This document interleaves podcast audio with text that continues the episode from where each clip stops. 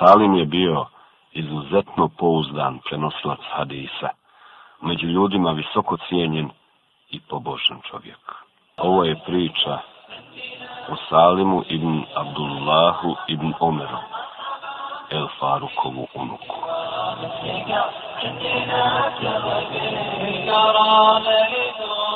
Evo nas u doba vladavine halife Omera El Faruka radijallahu anhu. Allahu Medina, grad Allahova poslanika sallallahu alaihi ve sellem. Krcat je ratnog plijena koji su muslimani zarobili od posljednjeg persijskog kralja Jezdeb Žrita.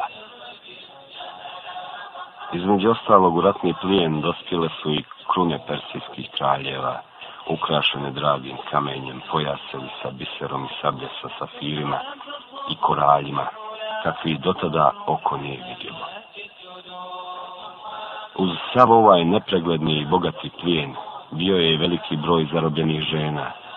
Među njima su bile i tri princeze, tri jezdeđeri do kćerke koje je uz visoku cijenu otkupio Alija radijallahu anhu i dao im da same izaberu kojim se najviše dopada od muslimanskih mladića. Jedna od njih izabrala je El Huseina, Alijina sina i poslanikova sallallahu alaihi veselem unuka i rodila mu sina Zainu Abidina.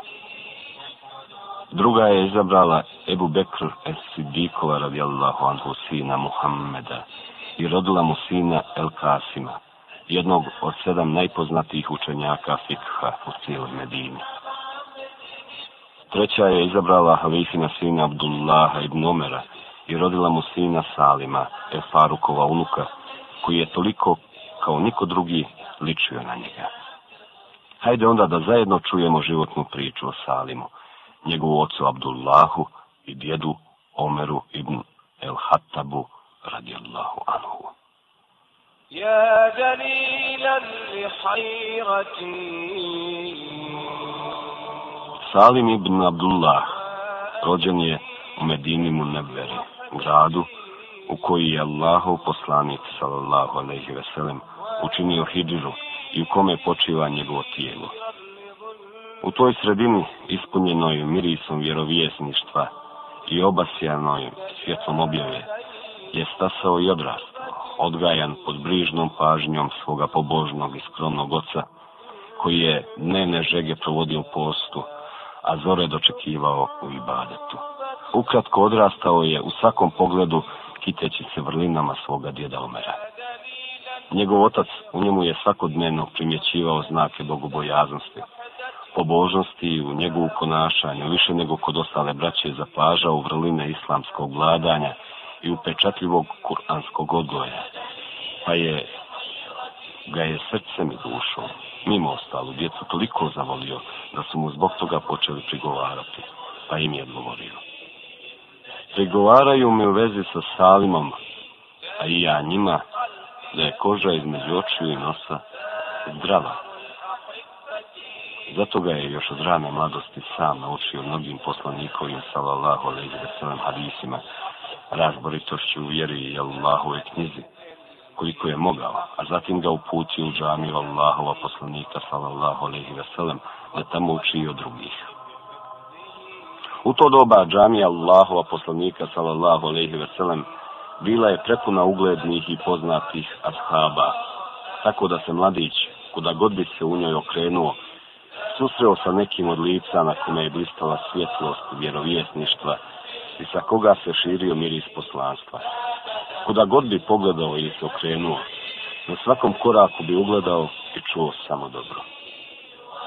Tako je imao sreću da mu učitelj budu neki od najpoznatijih ashaba, među kojima se, pored njegova oca Abdullaha ibn Omera, posebno ističu Ebu Ejub el Ensari, Ebu Hureyre, Ebu Rafi, Ebu Lubadbe, Zeid ibn el Hattab i drugi. Otuda ne treba čuditi to što je ubrzo i Salim postao jedan od najistaknutijih učenjaka Medine i prepoznatljiva ličnost među generacijom Tabina kao velikom poznavaocu fikha, njemu su se mnogi muslimani obraćali po brojnim pitanjima vjere, od njega učili vjerozakon svoga gospodara i tražili rješenja za brojna pitanja vezana kako za vjeru, tako i za svakodnevni život na ovome svijetu. Salim je bio jedan od onih učenjaka kojima su se za rješenje teških pitanja obraćale kadije po preporuci namjesnica koji su ih postavljali i bez čijeg se mišljenja nisu donosile krupne odluke. Čak ni kada bi se sve kad je sastale i po nekom pitanju jednoglasno dogovorile. Najsrećniji, najpopularniji, srcu svijeta najdražiji, kod halife najpovjeljiviji, bili su oni namjesnici koji su se savjetovali sa Salimom ibn Abdullahom i držali njegovih uputstava. stava. S druge strane, oni koji nisu držali do njegova mišljenja bili su kod Medinjana omraženi i kao takvi nikada nisu mogli zadobiti njihovo povjerenje. Tako se pripovjeda da je Abdurrahman ibn Ebdahak namjesnik Medine u doba vladavine halife jezida ibn Abdul Melika sebi za ženu zaprosio El Huseinovu kćerku Fatimu koja je bila ostala udovica i posvetila se svojoj djeci pa mu je odgovorila. Ne, tako mi je Allaha, ne želim se ni za koga udavati, jer sam odlučila da se posvetim svoje djece i njihovom odgoju. Međutim, on ju je i dalje uporno objeđivao da se za njega uda, pa je morala bojaći se da joj ne učini kakvo zlo, pribjegavati raznim lukavstvima i tražiti izgovor za svoje odbijanje. Kada je napokon uvidio da mu ništa ne pomaže i da je ne može ubijediti, zaprijetio joj je. Ja tako mi je Allaha, ukoliko ne pristaneš da ti bude muž, uzeću i izbečevati tvoga najstarijega sina pod optužbom da je pijenica. Na to je ona otišla Salimu i Abdullahu, sve mu ispričala i zamolila ga da joj da savjet šta da čini.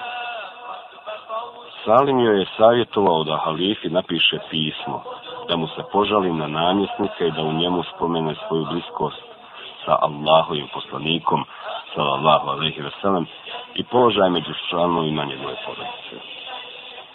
Tako je i učinila. Napisala je halifi pismo, u njemu sve objasnila i po svome izaslaniku ga poslala u Damask. Tek što je zaslanik sa pismom krenuo na put, u Medinu je stigla halifina naredba da Ibn Hormuz, šef uprave prihoda u Medinu, dođe u Damask i halifi podnese izvještaje o stanju tamošnje blagajne. Na to je Ibn Hormuz odmah počeo sa dužnicima svoditi račune. Usput je navratio i kod El Huseinove čerke Fatime da se i sa njom prije puta poselami i rekavši joj. Ja odlazim u Damask, pa mi reci ako ti šta treba. Treba, odgovorila je. Ispričaj vladaru pravovjernih kako me progoni Ibn Tahak i čime mi sve prijeti. Recimo da ne drži do mišljenja medinskih učenjaka i da ne poštuje njihovu nepovrijedivost, a naročito kada je riječ o Salimu ibn Abdullahu.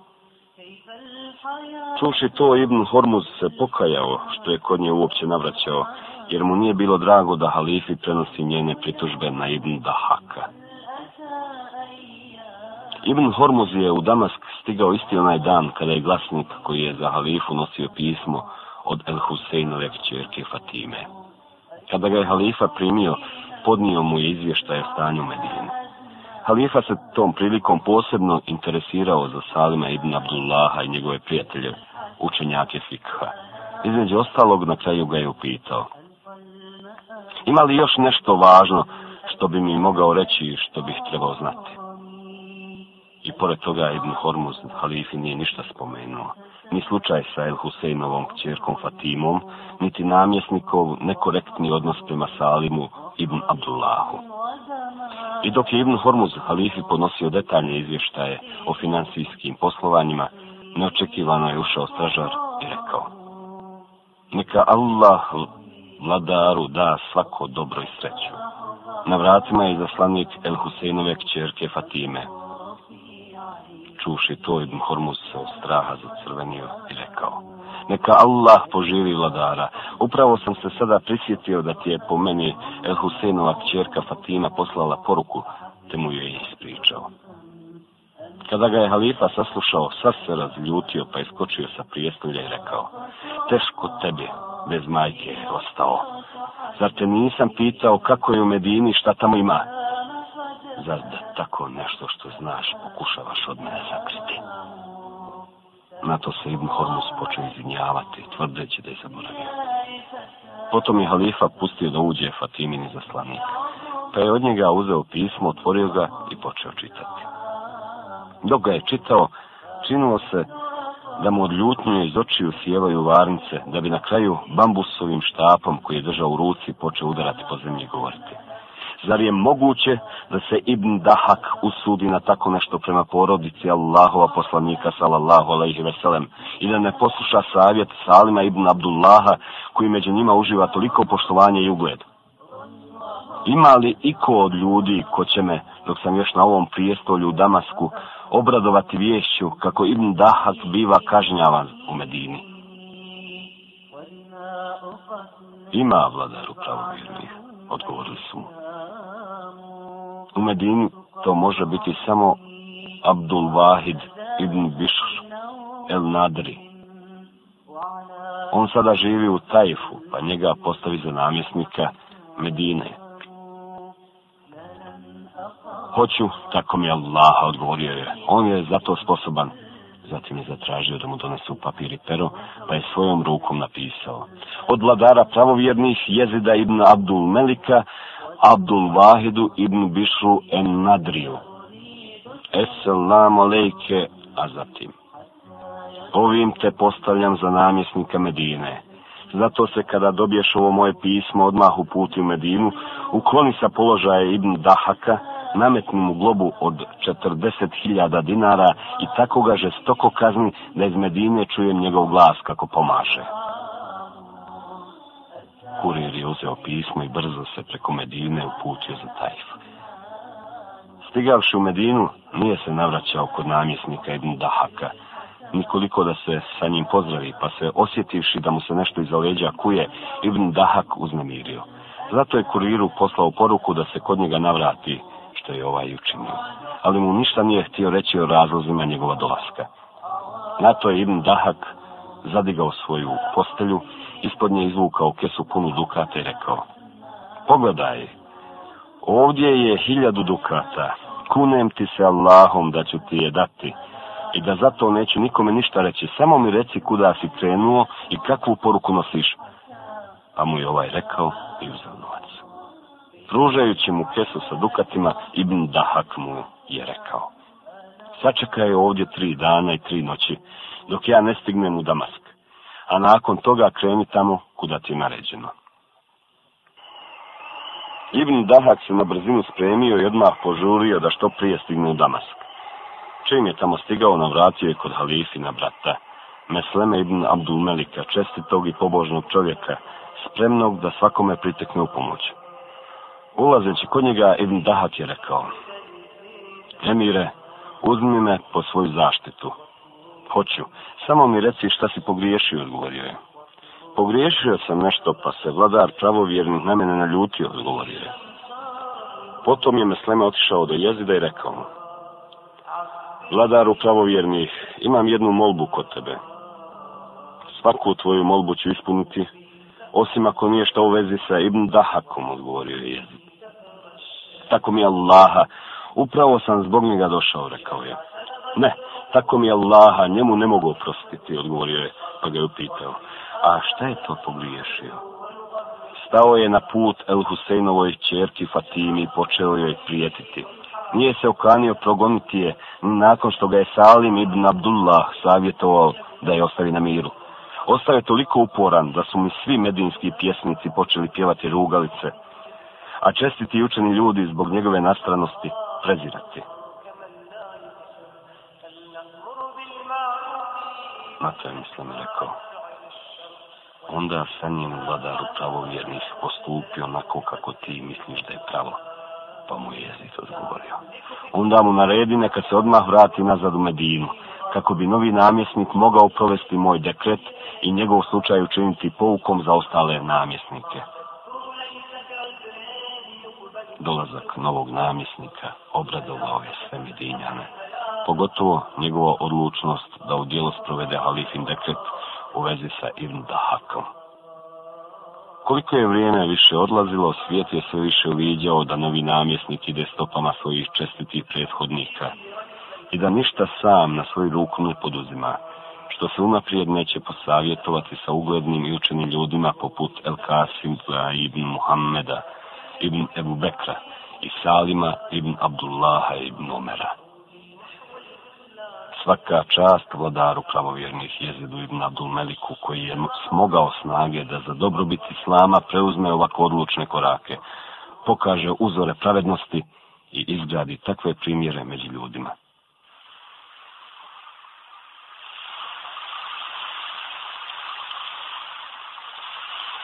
Salim ibn Abdullah živio je Medini Munebberi, časnom gradu koji je u njegovo doba kao nikada do tada bio obasut bogatstvom i blagodatima svake vrste.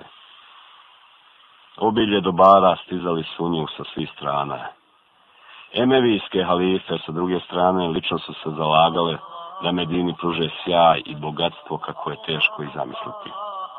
Međutim, Salim ibn Abdullah, nije za razliku od većine svijeta obraćao pažnju prema ovo svjetskim blagodatima i uživanju, niti dozvoljavao da se poput njih zavara prolaznim dobrima, već se u želji za onim što je kod Allaha zadovoljavao sa minimumom potreba, žrtvujući ovaj prolazni za onaj vječni svijet. Emevijski vladari, jedan za drugim, pokušavali su da i njega kao ostale obaspu bogatstvom i bogatim darovima ali su svaki put uviđali da se on ne da zavarati metkom i da mu ne pridaje nikakav značaj. Tako je jedne godine kao halifa došavši u Meku na hađ, obavljajući tavaf i kudum, Suleiman ibn Abdul Melik ugledao Salima ibn Abdullaha kako sjedi na sprem Kabe, skrušeno svojim jezikom uči Kur'an i iz obraze iz očiju, kao da su nepresušno more. U zanosu lije suze, pa je nakon što je obavio tavaf i klanjao dva rekata sunnet namaza poslije tavafa, krenuo prema mjestu gdje je sjedio Salim i Binadullah. Dok je halifa prolazio, svijet mu se sklanjao i pravio mjesto, dok nije došao i sjeo pored Salima, tako blizu, da su im se koljena dodirivala. Za sve to vrijeme zauzet učenjem i spominjanjem Allahova imena, Salim na njega nije obraćao nikakvu pažnju, pa ga je halifa počeo promatrati i o njemu razmišljati, čekajući priliku neće li Salim zastati sa učenjem i plačem, pa da mu se obrati i sa njim porazgovara. Kada ni nakon dužeg čekanja nije mogao ugrabiti priliku da sa njim progovori, nagao se prema njemu i sluša patnu rekao. Esselamu alike ve rahmetullahi bomere. Samo je samo se. Ve aleyke selamu ve rahmetullahi teala ve berekatuhu. Na to ga je halifa tihim glasom pitao. Ebu Omere, mogu li šta za tebe učiniti? Pa mu Salim nije ništa odgovorio. Halifa je pomislio da ga Sali možda nije dobro čuo, pa se još više prema njemu nagrio i rekao mu, bilo bi mi drago da me za kakvu potrebu zamoliš pa da ti pomognem. Pa mu je Salim odgovorio. Ako mi Allaha, bilo bi me stid biti u Allahovoj kući, a pa za neku potrebu pored njega zamoliti nekog drugog. Čuši Salimov odgovor, halifa se postidio pa je kao ukopan nastavio sjediti pored njega. Kada se poslije namaza Salim digao i krenuo prema mjestu gdje je ocio, za njim se uputila masa svijeta. Svakoga je od njih htio nešto pitati, neko za hadis Allahu poslanika sallallahu alejhi ve sellem, neko za odgovor na pitanje koje ga je mučilo vezano za neki od vjerskih problema, neko vezi sa svakodnevnim ovosvjetskim problemima, neko opet zamoliti da za njega Allahu uputi dobu. Među onima koji su za njim krenuli bio je i halifa Suleiman ibn Abdul Melik. Vidjevši ga, svijet mu je oslobodio mjesto da može prići Salimu ibn Abdullahu, pa mu je kada su bili rame uz rame, u uho šapnuo. Evo, sada smo izašli iz harema, pa mi reci mogu li što za tebe učiniti. Na to ga je Salim pitao. A kakve si ti potrebe u stanju ispuniti? Ovo svjetske ili ono svjetske? Sad zbunjen, kalifa je govorio, neke od ovo svjetskih potreba. Na to mu je Salim rekao, ja za ovo svjetske potrebe nisam molio ni onoga ko nad njima gospodari, pa kako bih mogao moliti onoga ko njima ne gospodari? Čuši to, halifa se postidio, pa se sa njim pozdravio i pri rastanku mu rekao. Kako ste samo vi, El Hattabova porodica, ponosni skromnošću i bogobojaznošću? Kako vas je samo uzvišeni Allah učinio da u duši budete bogati, Allah vas blagoslovio kako ste vi čestita porodica.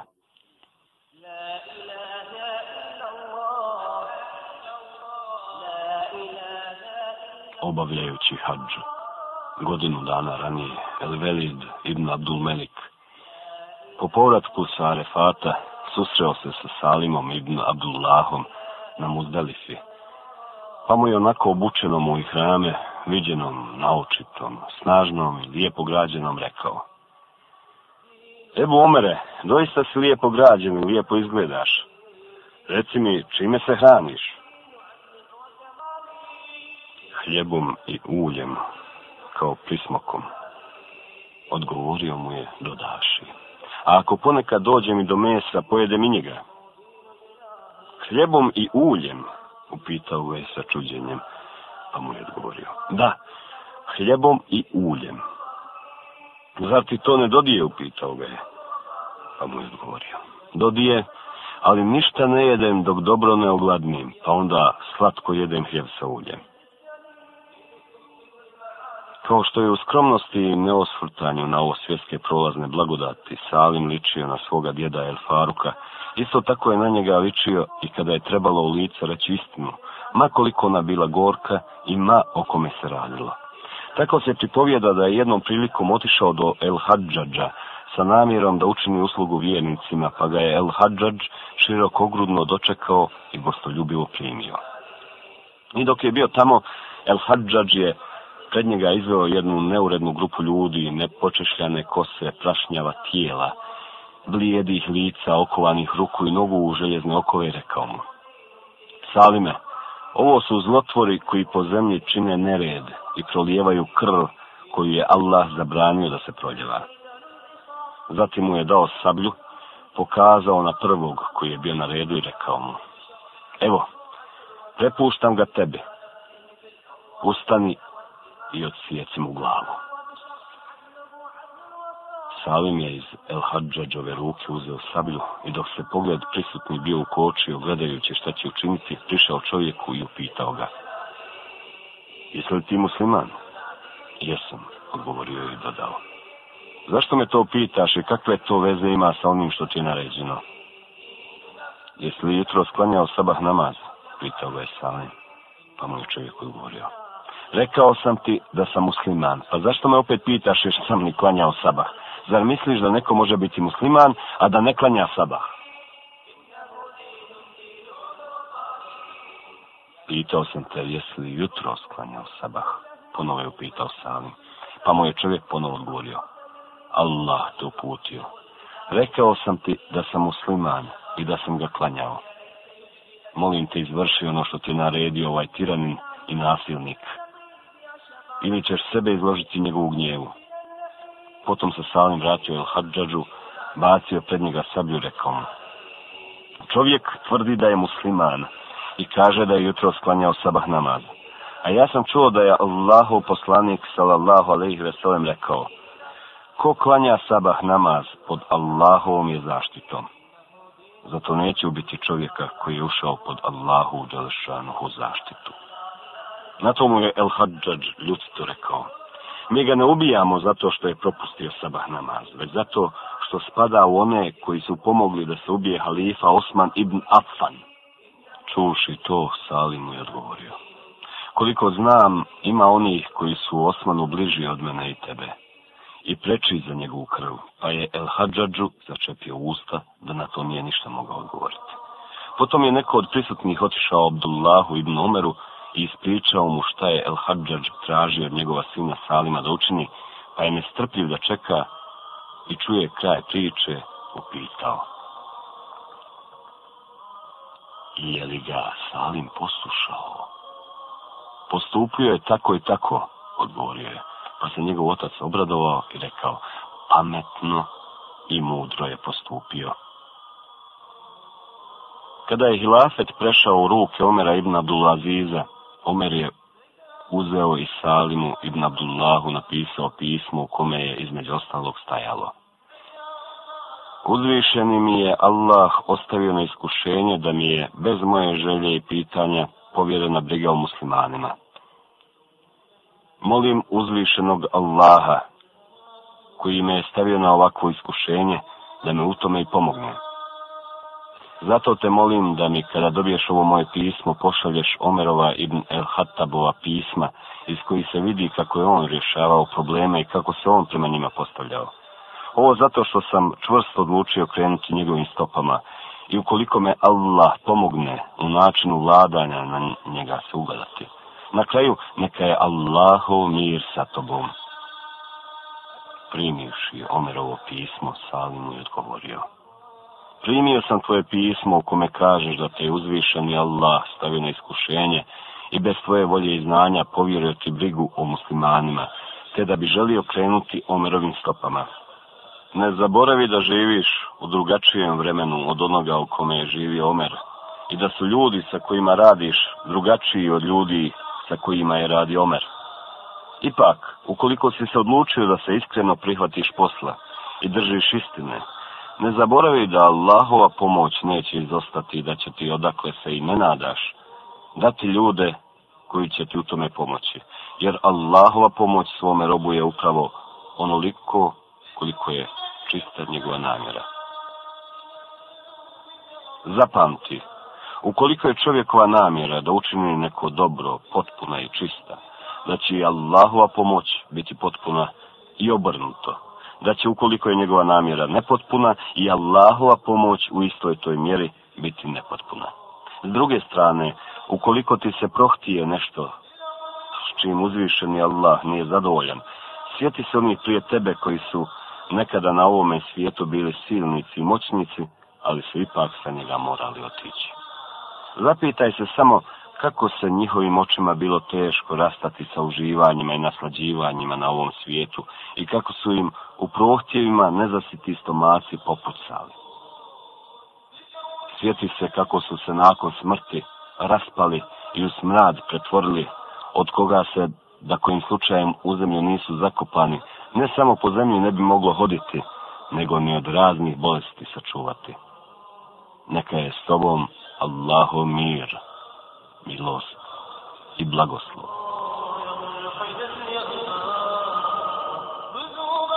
Šta više reći nego da je Salim ibn Abdullah ibn Omer al-Hattab živio dugo, životom ispunjenim pobožnošću, bogobojaznošću i ustrajnošću na pravom putu.